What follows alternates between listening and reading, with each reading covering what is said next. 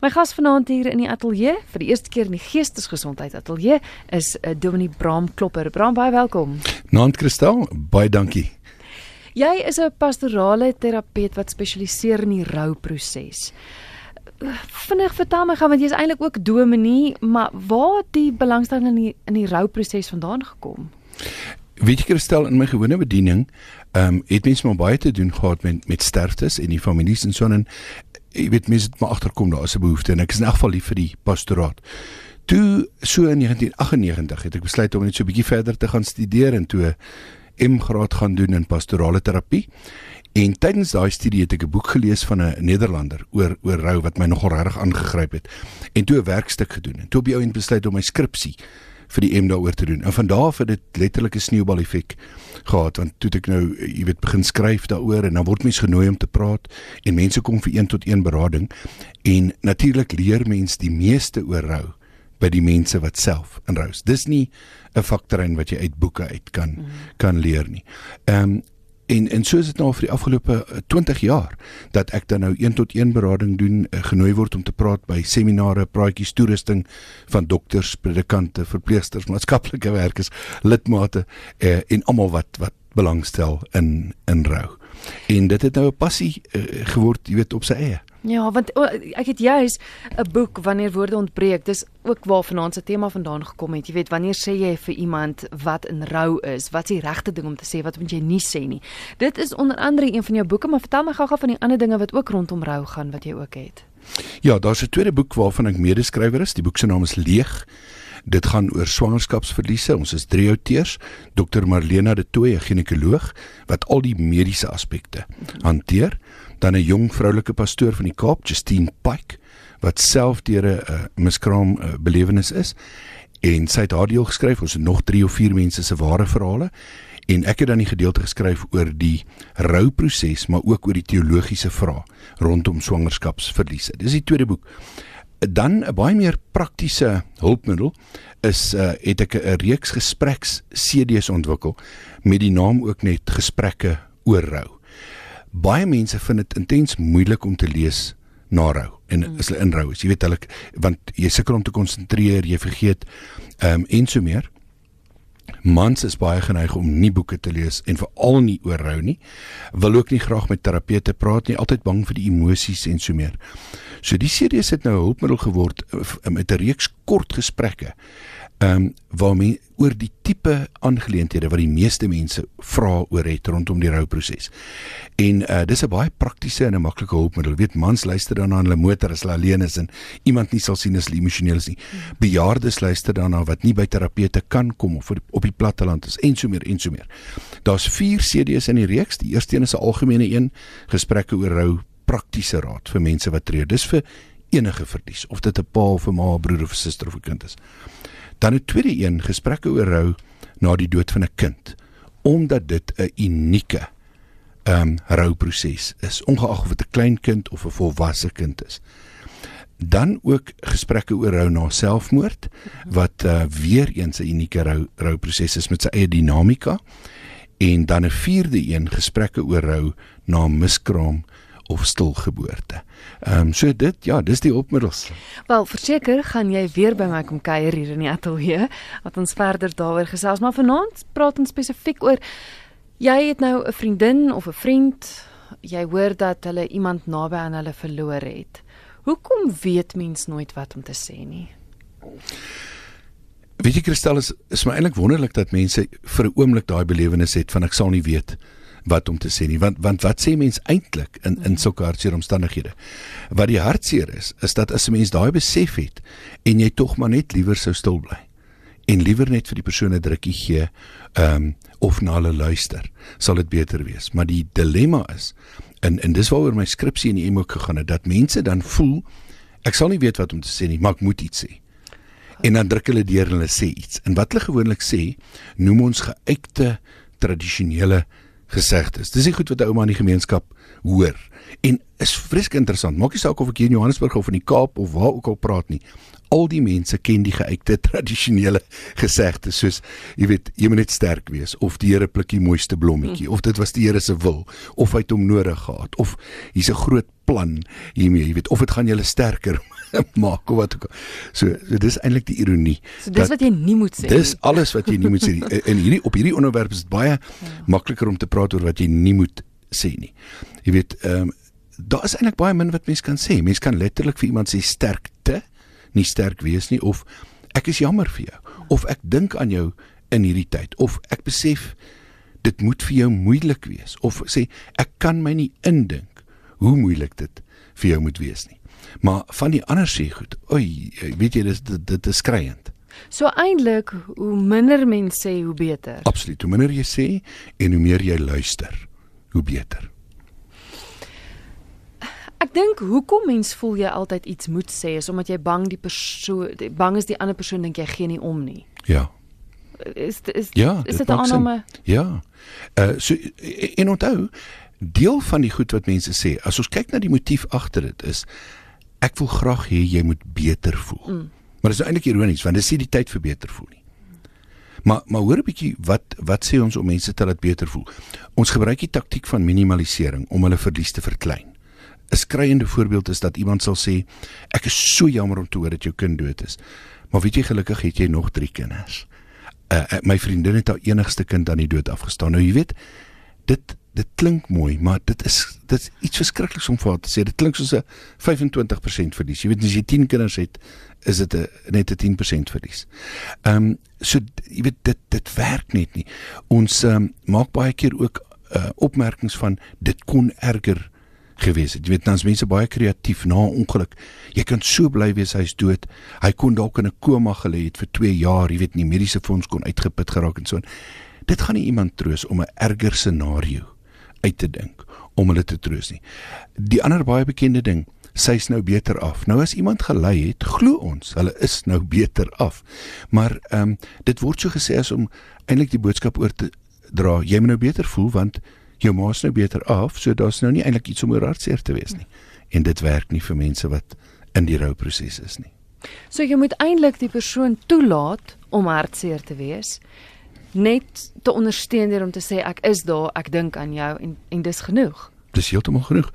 En miskien opmerkings soos dit is normaal dat jy voel soos wat jy voel ja. of uh miskien sê jy het alle reg om so hartseer te wees of jy het alle reg om so kwaad te wees, maar jy sit jou vinger op die op op die seerplek om mense te gun om te rou. Uh die meeste mense probeer net hulle rou van hulle af wegvat. En ons moet mense se rou vir hulle teruggee en sê jy het nou nie nodig om dit te doen, jy het nodig om hierdeur te gaan.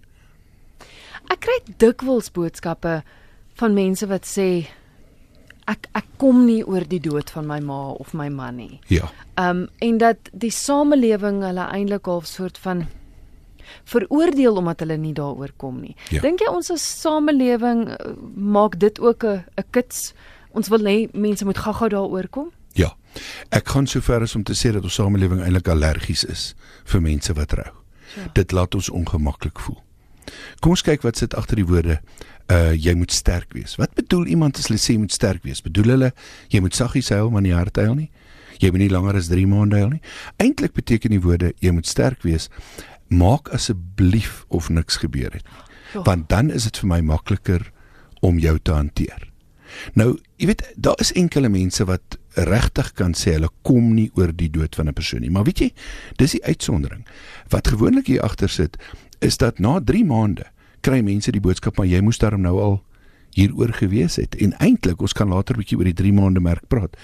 Is dit glad nie die geval nie. Ek ek het al uh jy weet dokters predikante gehad wat mense na my toe verwys het wat hulle verwys omdat hulle voel hierdie persoon kom nie oor die dood van die geliefde nie. En as ek vra maar hoe lank terug is die geliefde dood dan sê hulle jy weet dis al 3 maande. Ons kan nie praat van dis al 3 maande nie. Dit is nou eers 3 ja. maande. En daar's in elk geval nie 'n tydperk aanhou nie. Op die op hierdie punt van iemand wat nie oor iemand se dood kom nie. Ek ek, ek moet dit daarom sê daar moet groei wees. Mm. Daar moet vordering wees maar daar is nie 'n kits oplossing nie. Uh jy weet hoe gewild is is tegnieke boekies van A Dummy's Guide to. Mense verwag 'n Dummy's Guide to Handling Grief. 10 easy steps. Jy weet, uh, 10 maklike stappe om die dood van 'n geliefde te verwerk. Daar bestaan nie so iets nie. Ehm um, dit is 'n proses waardeur 'n mens moet gaan. Maar ja, jy's reg. Ons gemeenskap wil dit met kits oplossings probeer hanteer. Het 'n SMS deurgekom, jy het nou gepraat van die 3 maande. 'n Luisteraar wat sê my ma is nou al amper 3 maande gelede oorlede en ek het nog nie gerou nie. Ek het net hierdie doodse gevoel binne in my. Um iemand sê jammer en dan voel ek net so bietjie tranerig. Um die persoon sê weer hierbo dat ek voel net leeg binne. Vertel my gou van die 3 maande. Goed. Mense reageer verskillend uit die aard van die saak. Party mense is baie gouer gereed om emosioneel te wees. Maar iemand wat na 3 maande nog nie huil nie of sukkel om te huil, is heeltemal normaal. Hulle ehm um, ly waarskynlik nou net aan die nagevolge van skok. Met elke sterfte is daar 'n mate meerdere of mindere mate van skok waarmee dit gepaard gaan. Ek wil hê ons luisteraars moet dink aan daai inspuiting wat jy by die tandarts kry, jy weet, en dan voel jy daai uit en sê, "Jene, dit dit is nou glad nie seer nie, jy weet, maar so 2 ure later kom daai kloppende gevoel soos die lewe terugkom." Nou in rou is dit so dat rofweg 3 maande is die eerste groot mylpaal of baken in in die rouproses. Nou wat gebeur op 3 maande is ek gaan dit baie kort hou 3 dinge. Die eerste is dat die skok het tot 'n mate 'n verdowende effek op die persoon. So die seer kom nie heeltemal deur nie. Na 3 maande is die skok uitgewerk en kom die seer baie sterk deur. 'n Tweede ding wat wat wat 'n rol speel, tweede faktor. Is daar ons baie navorsing wat bewys dat as mense oor see trek of kinders gaan werk na matriek oor see, ehm um, en so meer, 3 maande nadat iemand weggegaan het, tree daar 'n intense verlange in. Dis asof daar 'n almanak is wat in 'n mens se kop loop en sê dis nou te lank. Dis nou tyd dat hy moet terugkom. Dis tyd dat ek hom weer moet sien. Ehm um, so saam met die rou is daar dan hierdie besef van maar die persoon gaan nie terugkom nie. Ja. En die verlange is intens. Ontsettend baie mense wat vir my in berading dan sê, "Bram, weet jy ek het vandag besef hy gaan nie terugkom nie." Ek gaan hom nooit weer sien nie. Nou natuurlik sê ons dan nie in hierdie lewe nie. Ehm um, so so dis die tweede komponent van die 3 maande. Die derde is dat uh in die eerste weke en dae is daar geweldig baie belangstelling. Mense bel. Hulle bring kos. Ehm um, hulle stel belang. Die meeste mense sê vir my na 3 maande gaan die wêreld aan asof my pa nooit hier was nie. Asof my kind nie gesterf het nie. Ek kry nie oproepe nie. Mense dink ek moet net jy weet okay wees. Ehm um, so dis drie van die komponente wat op 3 maande 'n 'n baie groot rol speel en daarom sal by verre die meeste mense rondom die 3 maande merk begin dink daar's fout met hulle of hulp soek of verwys word vir berading en baie keer verwys word met die idee daar is fout met hulle. En dan's die groot gerusstelling as hulle by my kom om te hoor jy is normaal. Okay, ja. Hierdie is wat op 3 maande gebeur. So daai luisteraar wat die wat die SMS gestuur het.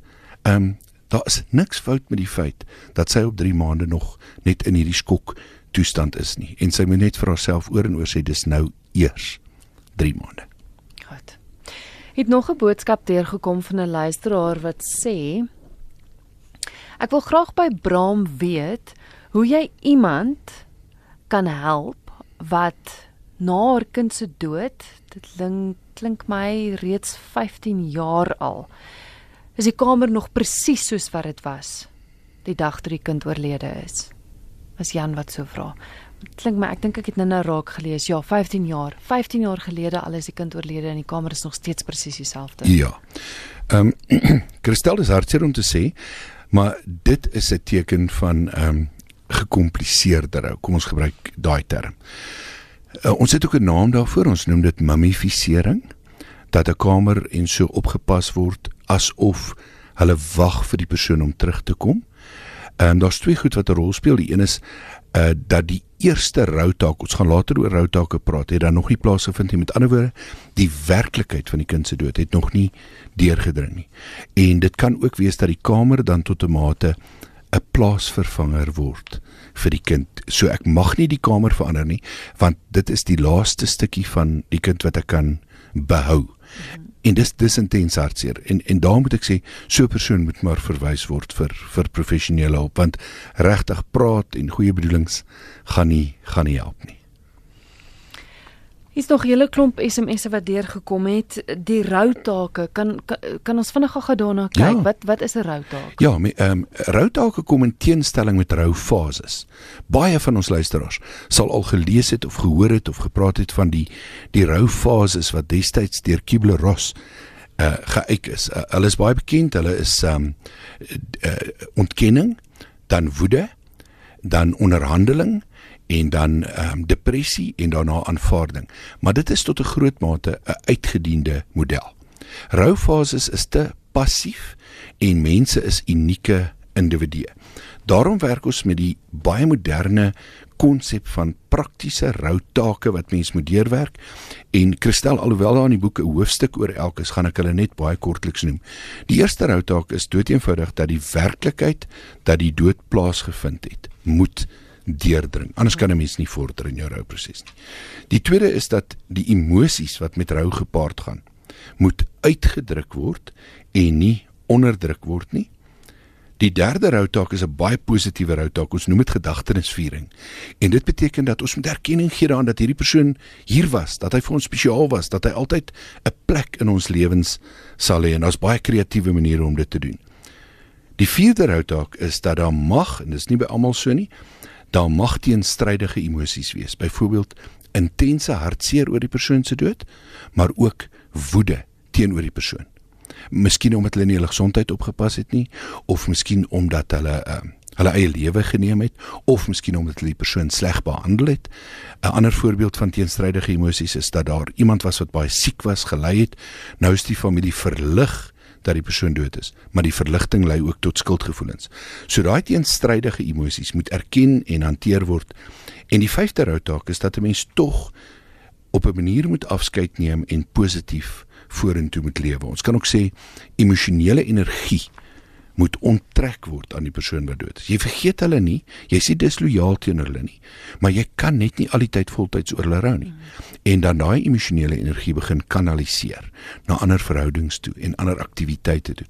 Met ander woorde, aangaan met die lewe. 'n Ander mooi manier om dit te sê is om die verlies te inkorporeer, dit ja. deel te maak van jou lewe. Ja. Is 'n SMS wat sê My geliefde is 6 maande gelede oorlede. Ons was 41 jaar getroud. My lewe staan absoluut stil. My lewe sal nooit weer dieselfde wees nie. Ek is alleen en uh ek ek is alleen en het um ek kan nie haar dood aanvaar nie. Dit is swys van Somerset Wes. Sjoe. Uh Christel, een of twee opmerkings daaroor. As mens 41 jaar getroud was, is jy nie soos twee ehm um, objekte wat aan mekaar vasgeplak is en nou net losgemaak is. Jy jy's twee mense wat in mekaar ingegroei het. En daai ontkoppelingsproses is 'n lang en 'n moeilike proses. So 6 maande na so 'n lang verhouding is regtig nog die beginstadium. En ek kan ook vir die luisteraar sê natuurlik sal sy lewe nooit weer dieselfde wees nie, maar ek wil die volgende beeld of metafoor gebruik. As my arm as gevolg van 'n ongeluk of iets geamputeer moet word, dan kan ek 'n klomp aanpassings maak. My arm is nooit weer aan nie, maar ek kan genoeg aanpassings maak om te kan voortgaan met die lewe sonder daai arm. So hierdie is 'n uitdaging om voort te gaan met die lewe met jou verlies. Maar ja, sy lewe sal nooit weer dieselfde wees nie, maar daar kan weer vreugde wees. Daar kan weer nuwe belangstellings wees. Ehm um, mens hoef nie op een plek vas te val nie, maar dis nie maklik nie. Hmm en dis 'n proses. Hier's 'n luisteraar wat sê ek het 'n pragtige dogter op 36 jaar oud aan kanker verloor en 18 maande, dit klink vir my asof dit 18 maande gelede is, het my man aan 'n hartaanval in my arms gesterf. Hoe kry 'n mens daai closure? Min mense wil regtig mm, verloor ek nou die boodskap. Uh wil regtig luister. En as ek net kon praat, um, ek het nooit vir hulp gegaan nie. Ehm um, sy sê ook as ek maar net wil huil, iemand het vir my durf sê onthou jy is nie die eerste een wat 'n dogter verloor nie. Ja. Hoe wreed. Ehm um, dankie, die predikant praat waarheid. Die gemeenskap is wreed. Dit is Janet Delport van Musina wat so laat weet. Ja, sy sy spreek eintlik baie duidelik haar eie behoefte uit. sy die behoefte dat iemand na moet luister. En en ek sal wil sê luister na na na drie aspekte. En dan sal ek sê wat sy kan doen as sy nou nie iemand kan kry om te luister nie. Sy het iemand nodig om te luister na nommer 1 wat gebeur het. Dis nodig vir so 'n persoon om te vertel wat het gebeur. Hoe is jou dogter dood? Hoe is jou man dood? Uh wat het presies daar gebeur? Daai oor vertel van van die gebeure is terapeuties. Tweedens het sy nodig dat iemand na luister oor wie hulle was. Sy het nodig om vir iemand te vertel hoe spesiaal was hierdie kind en hoe spesiaal was haar man. Ehm um, en derdens het sy iemand nodig om net te luister sonder om te oordeel of te veroordeel, net te luister hoe sy voel en hoe sy verlang en hoe sy swaar kry. Nou as sy regtig nie uh so iemand kan kry om na te luister nie, sal ek net voorstel dat sy begin skryf.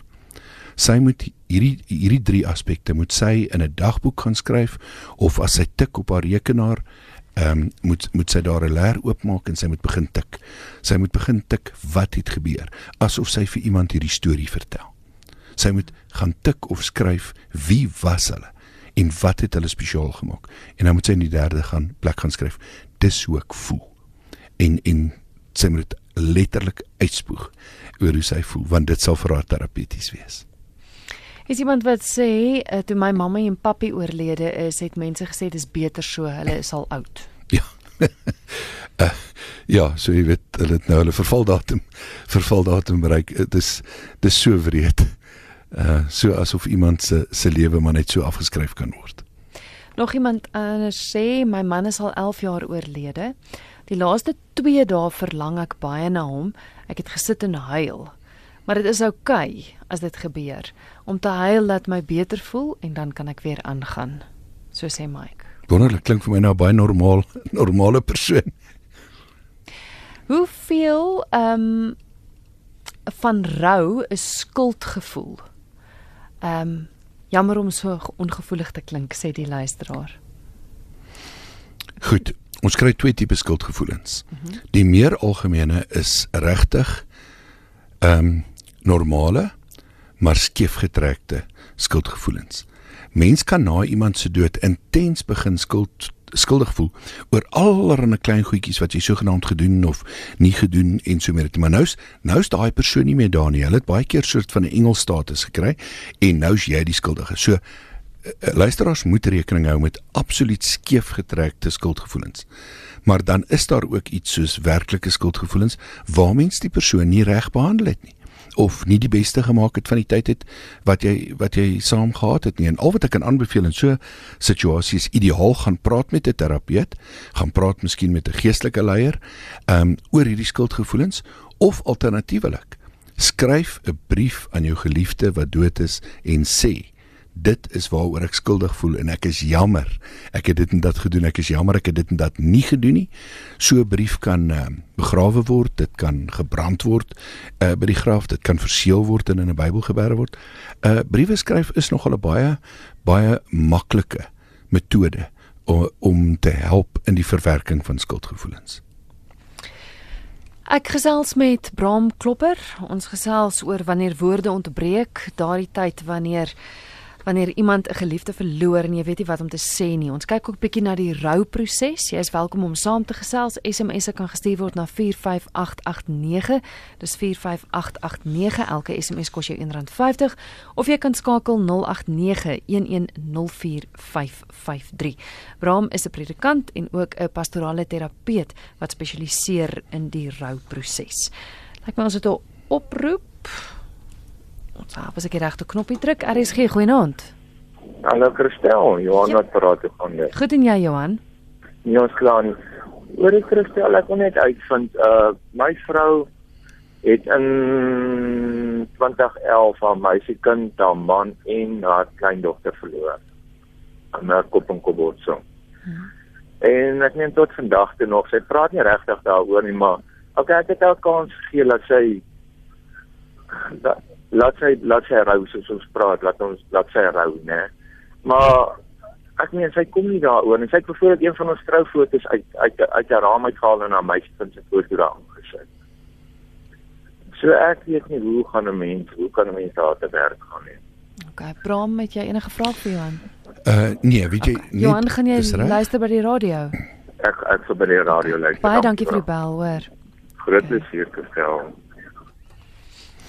Goed, Christel, ek dink die eerste wat mense moet opmerk is om te sê dat ek dink nie nie ek self of enigiemand anders kan ons indink in hoe groot hierdie verlies was nie. Dis meer as een persoon. Dit is skielik en traumaties. Ehm um, haar lewe is onherroepelik verander. Maar nou ehm um, sy's gewond. Ek bedoel sy's emosioneel gewond vir die res van haar lewe. Maar natuurlik is die ideaal dat sy nie op een plek bly nie en nie op een plek bly vasval nie. Dat daar tog groei en ontwikkeling en vordering is al is dit toestadig. Maar in so 'n geval moet ek regtig sê dit gaan nie van self gebeur nie. Ehm um, dit gaan nodig wees om met iemand te praat wat 'n bietjie meer ehm um, kundig is en dit gaan 'n lang en 'n geduldige pad moet wees. Mm. En en alwaarvoor mens kan kan hoop in hierdie geval is nie en dit, dit gaan nie ooit op 'n totale verbetering wees asof daar asof hierdie ding nooit plaasgevind het nie. Maar ehm um, dat daar tog verbetering en groei sal wees.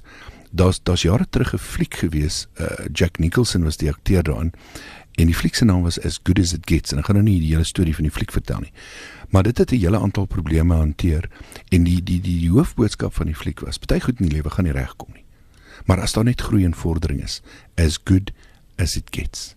Ehm um, en dit is wat ek vir Johan en en, en sy vrou dan maar net kan kan hoop dat hulle op 'n pad kan gaan waar daar begrip gaan wees, waar daar groei en vordering gaan wees, al is dit stadig.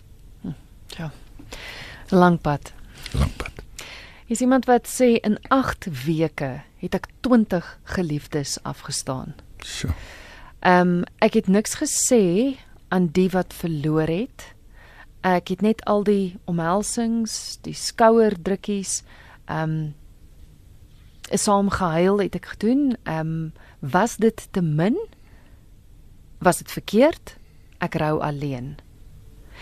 Dit dit, dit, dit klink vir my asof die persoon almal verloor het Maar sy het niks gesê aan die wat verloor het nie. So ek is nie, maar dit klink dis sywer wat die verlies gehad het nou. Ja, of of dit kan ja. net wees dat sy betrokke was by betrokke by al die ja. mense. Maar maar hoe dit ook al sê, om haar vraag te antwoord, nee, sy het nie te min gedoen nie. Ehm um, die mense sal vir jou sê dit het vir hulle meer beteken as mense se slim opmerkings en ongevoelige en onsensitiewe ehm um, opmerkings. So nee, sy het nie te min gedoen nie. Dit klink asof sy regtig die deernisvolle pad geloop het. 'n Luisteraar wat sê my enigste dogter is al 6 jaar gelede oorlede en ek kan net nie daaroor kom nie. Ek dink elke dag aan haar. Haar kamer is ook nog net so. Help asseblief. Ek het ook self verwyd. Dus Susie wat sou sê. Sjoe, ehm um, Christel, die eerste opmerking, dis nou eers 6 jaar met uh die dood van 'n kind is 6 jaar, baie baie kort. Daar is mense wie se kinders 11 en 12 en 15 en 17 jaar dood is. Ehm um, wat altyd vir jou sal sê dit bly 'n wesenlike deel van wie hulle is. Interessant dat as jy sulke mense ontmoet, gewoonlik binne die eerste 30 minute wat jy hulle ontmoet, sal dit iewers ter sprake kom dat hulle 'n kind aan die dood afgestaan het. Ehm um, so groot is dit in hulle lewe. Ek sal tog uh, aanraai dat dat sy miskien kontak maak en en dat mens miskien of via die CD of die boek of met 1 tot 1 berading miskien uh, jy weet vir haar kan help want um, ehm, 6 jaar soos ek sê is nog nie baie lank nie, maar dit is 'n verskriklike las om om te dra. En uh, op 6 jaar met 'n kind se dood is nou nie totaal onnatuurlik as die kamer nog net net so is nie. Daar's ook 'n verskil om nie gereed te wees om die kamer op te pak nie of om dit absoluut soos 'n museum te bewaar. Daar daar's 'n groot verskil. So ek ek dink sy moet nou nie onder die indruk wees dat daar dat daar 'n groot fout is in haar rouproses nie. Ehm um, sy het net intens intens intens seer.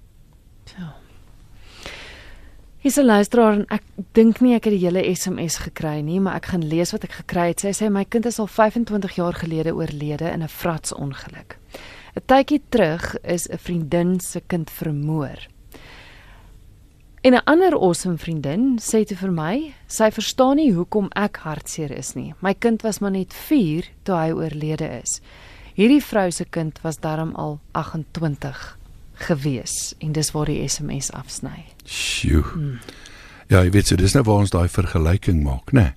Ehm um, so hoe op aarde vergelyk jy om te sê dat dit erger is as as as 'n kind 28 jaar oud was as wat hy as wat hy 4 jaar oud was. Party mense sal dit net eenvoudig weer wil omdraai. Ehm um, dit is 'n absurde vergelyking en 'n poging om haar verlies te verklein. En ehm um, sy moet regtig nie daai woorde glo of inlaat nie. Ehm um, dit is uit onkunde gesê. Ja. My suster het in die afgelope 2 jaar haar skoonma, kind, ons ma en 2 maande gelede ook haar man verloor. Hoe koop 'n persoon met soveel seer? Ja. Ja, nee, Christel, ek sal sê mense sit een voet voor die ander. Ehm um, en en jou visie is maar net om deur 'n dag te kom en dan deur die volgende dag te kom en dan deur die volgende dag te kom. Dit dit is ondenkbaar dat mense soveel verliese kan ervaar en so naby aan mekaar. Ja, ekskuus, dit is dis ontstellend want Ja. ek kan net dink ja, ja. Ekskuus, ek het nog 'n oproep. RSG goeienaand. Goeienaand. Hallo, kan jy ons hoor? Ek kan hoor. Kan jy net dalk jou radio afsit asseblief? My radio is Is hy af? Goed. Jy is welkom om te praat. uh ek is 94 jaar oud. Ek is 94 jaar oud en my man was 97 en ons was 71 jaar getroud. Ja. En uh, toe hy net net bietjie met sy hart gesukkel en toe die die mense vir ons gesê hy moet 'n hart ehm um, oorplant nee nie hart oorplanting nie uh, by met 'n hart wat wat van my klop oorkry.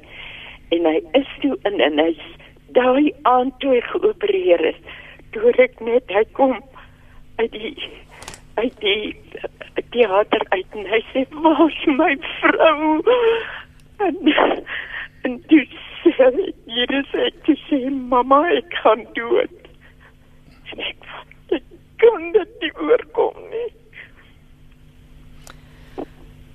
Bram, het jy enige vrae vir die luisteraar? Nee, ek ek dink dis nie 'n tyd vir vrae nie. Ek dink en as ek maar vir haar mag tannie sê, tannie, dit is on onbegryplik hartseer om na so 'n lang lewe um, so 'n tragedie te beleef. Daar's een troos in en dit is dat jy daar was. In daai laaste oomblikke het hy geweet jy is by hom en niks sou vir hom meer vrede gegee het as as dit nie. Bære daai kosbaarheid in in in tannie se hart dat jy daar was vir hom en en baie baie sterkte vir die rouproses. Dankie vir die bel tannie. Ja. Ja, ek dink dis wat my altyd opval as ons as ons praat oor rou en verlies, is dat daar soveel mense is met soveel seer en ek weet nie of ons as ander mense altyd begrip het vir ander mense se seer nie. Nee. Ehm um, ons het nie en daarom moet ons nie probeer voorgee dat ons het of jy weet daai woorde gebruik van ek weet hoe jy hoe jy voel nie. Ehm um, ons moet net so 'n bietjie afstand afstand hou en erken hierdie is bietjie groter as ons, jy weet. Hier's 'n boodskap wat sê na my man se dood het ek 'n wonderlike woorde van bemoediging ontvang. In die duikweg van ons treinstasie was graffiti teen die muur aangebring gespuitverf wat sê life sucks. Ek het op daardie stadium het daardie woorde vir my baie meer beteken en kon ek meer daarmee identifiseer as met al die ander mooi bemoediging. Jy hoor net daai eerlikheid, né? Ja. My seun is 6 maande gelede oorlede. Ehm um, hoe gaan 'n mens betekenisvol voort as 'n mens ehm um, so intens na jou kind verlang? Hoe lank neem die proses? Ja, ehm um, jy weet ons het in Engels die spreekwoord van die million dollar question, jy weet, die daai groot miljoen dollar vraag. As iemand daai vraag kon antwoord, sou dit sou dit wonderlik wees. Ehm um, daar is nie 'n tydperk, vaste tydperk wat ons aan rou kan koppel nie, veral omdat dit so anders is as as dit mense kind is as wat dit miskien 'n broer of 'n pa of ma of 'n eggenoot was.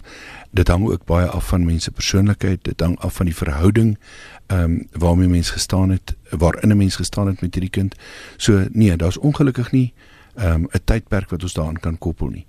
Maar daai treetjie vir treetjie vir treetjie vorentoe. Ehm um, ek kristal as ek as ek 'n metafoor kan gebruik. As ons nou oor horlosie kyk, het hy drie wysers. As ons na die sekondewyser kyk, kan ons baie maklik sien hoe vinnig hy beweeg. Mm. As ons na die minuutwyser kyk, kan ons elke minuut sien dat hy so een sprongetjie aangaan. As ons na die uurwyser kyk, kan ons glad nie sien dat hy beweeg nie. Maar as ons sou opstaan en 'n koppie tee gaan maak en terugkom en ons kom terug, dan sien ons hy het beweeg. Soms is die rouproses in die groei in die rouproses so stadig soos daai uurwyser dat mense eers as hulle kan terugkyk na 6 maande of 8 maande of 10 maande kan sê ek het tog 'n bietjie gegroei en gevorder. Maar dat terwyl hulle dag na dag na hulle eie situasie kyk, voel dit vir hulle asof daar geen vordering was nie. Ja. Is is 'n mens wat sê my man is skielik dood 8 jaar gelede. Die klere waarin hy gesterf het, lê lê nou nog net soos hy dit gelos het. Hoe maak ek ek ry kom nog ons was 33 jaar getroud. Ek is stikkend. As dit vir haar vertroostend is, dan hoef sy niks daaraan te doen nie. En dit is sodat klere is iets wat mense reuk die langste langste bou. Hmm. Is nog iemand wat sê ek wil net vra hoekom toe my pa 8 jaar gelede oorlede is, was ek kwaad. Ek dink nog steeds dikwels aan hom. Jo, ek is ek's baie bly oor daai vraag. Ek het so gehoop, hoop iemand sal iets vra oor die oor, oor die kwaad. Christel in 'n neutedop. Ons leef in 'n tyd waarin die meeste goed of herstel kan word of vervang kan word. Dink maar aan hartoperasies, kleppe wat vervang word, hartomleidingsoperasies, versekerings en so meer. Ons maak goed reg of ons vervang hulle. Die uitsondering is die dood. Mm. Ons kan nie iemand se dood regmaak nie en ons kan nie die persoon vervang nie. Dit laat ons magteloos. En magteloosheid is wat my aanbetref wat aan die wortel lê van hoekom dit moeilik is om dood te hanteer. En magteloosheid vloei in 'n oogwink oor na woede toe. En dan bars daai woede sommer oral en teen enige iets in iemand uit. Want die probleem is jy's eintlik kwaad omdat jou pa dood is. Jy wil nie hy moet dood wees nie. Maar jy kan nie die dood in die hande kry nie. So jy moet jy moet kwaad wees, maar jy weet nie vir wie en vir wat nie. So party mense haal dit sommer op almal om hulle uit. Party mense keer daai woede op hulle self, skuldgevoelens. Party mense keer daai woede op God. Ehm um, dis als normale reaksies, maar aan die wortel van woede na dood lê magteloosheid. Ja. Kan mens as opsomming sê dat ons moet rou erken om ja. mee te begin? Ja want dit gaan maak dat ons dit dalk beter gaan verstaan. Ja. Erken en beleef en deurleef, deur die proses gaan. Nie probeer om die proses te omseil nie. Nie probeer om die proses uit te stel nie. Uh nie probeer om die proses te onderdruk nie. Dood eenvoudig die proses te beleef. Ja. Wyse woorde. Bram, waar kan die luisteraars jou kontak? Ehm um, Christel, ek ek het 'n webwerf. Hy moet so 'n bietjie opgedateer word, maar dit is www punt kleinlettertjies braamklopper.co.za. Daar is 'n moontlikheid om 'n e-pos te stuur of die e-pos eh, adres direk info by weer kleinlettertjies braamklopper.co.za of daar's 'n telefoonnommer wat ek nou nie al die tyd antwoord nie, maar spesifiek vir hierdie rou werk waar hulle kan skakel op 082 574 3530 En dis ook waar hulle boodskap gaan los jy ja, terugkom. Ja. Okay. 082 574 3530. Goed, en dan info by bramklopper.co.za. Bram baie dankie vir die gesels. Christel, dankie vir die geleentheid en die voorreg. Ons praat weer. Dankie. Dis geestesgesondheid waarna jy geluister het. Vanaand was my gas Bram Klopper, hy's predikant en ook pastorale terapeut wat spesialiseer in die rouproses.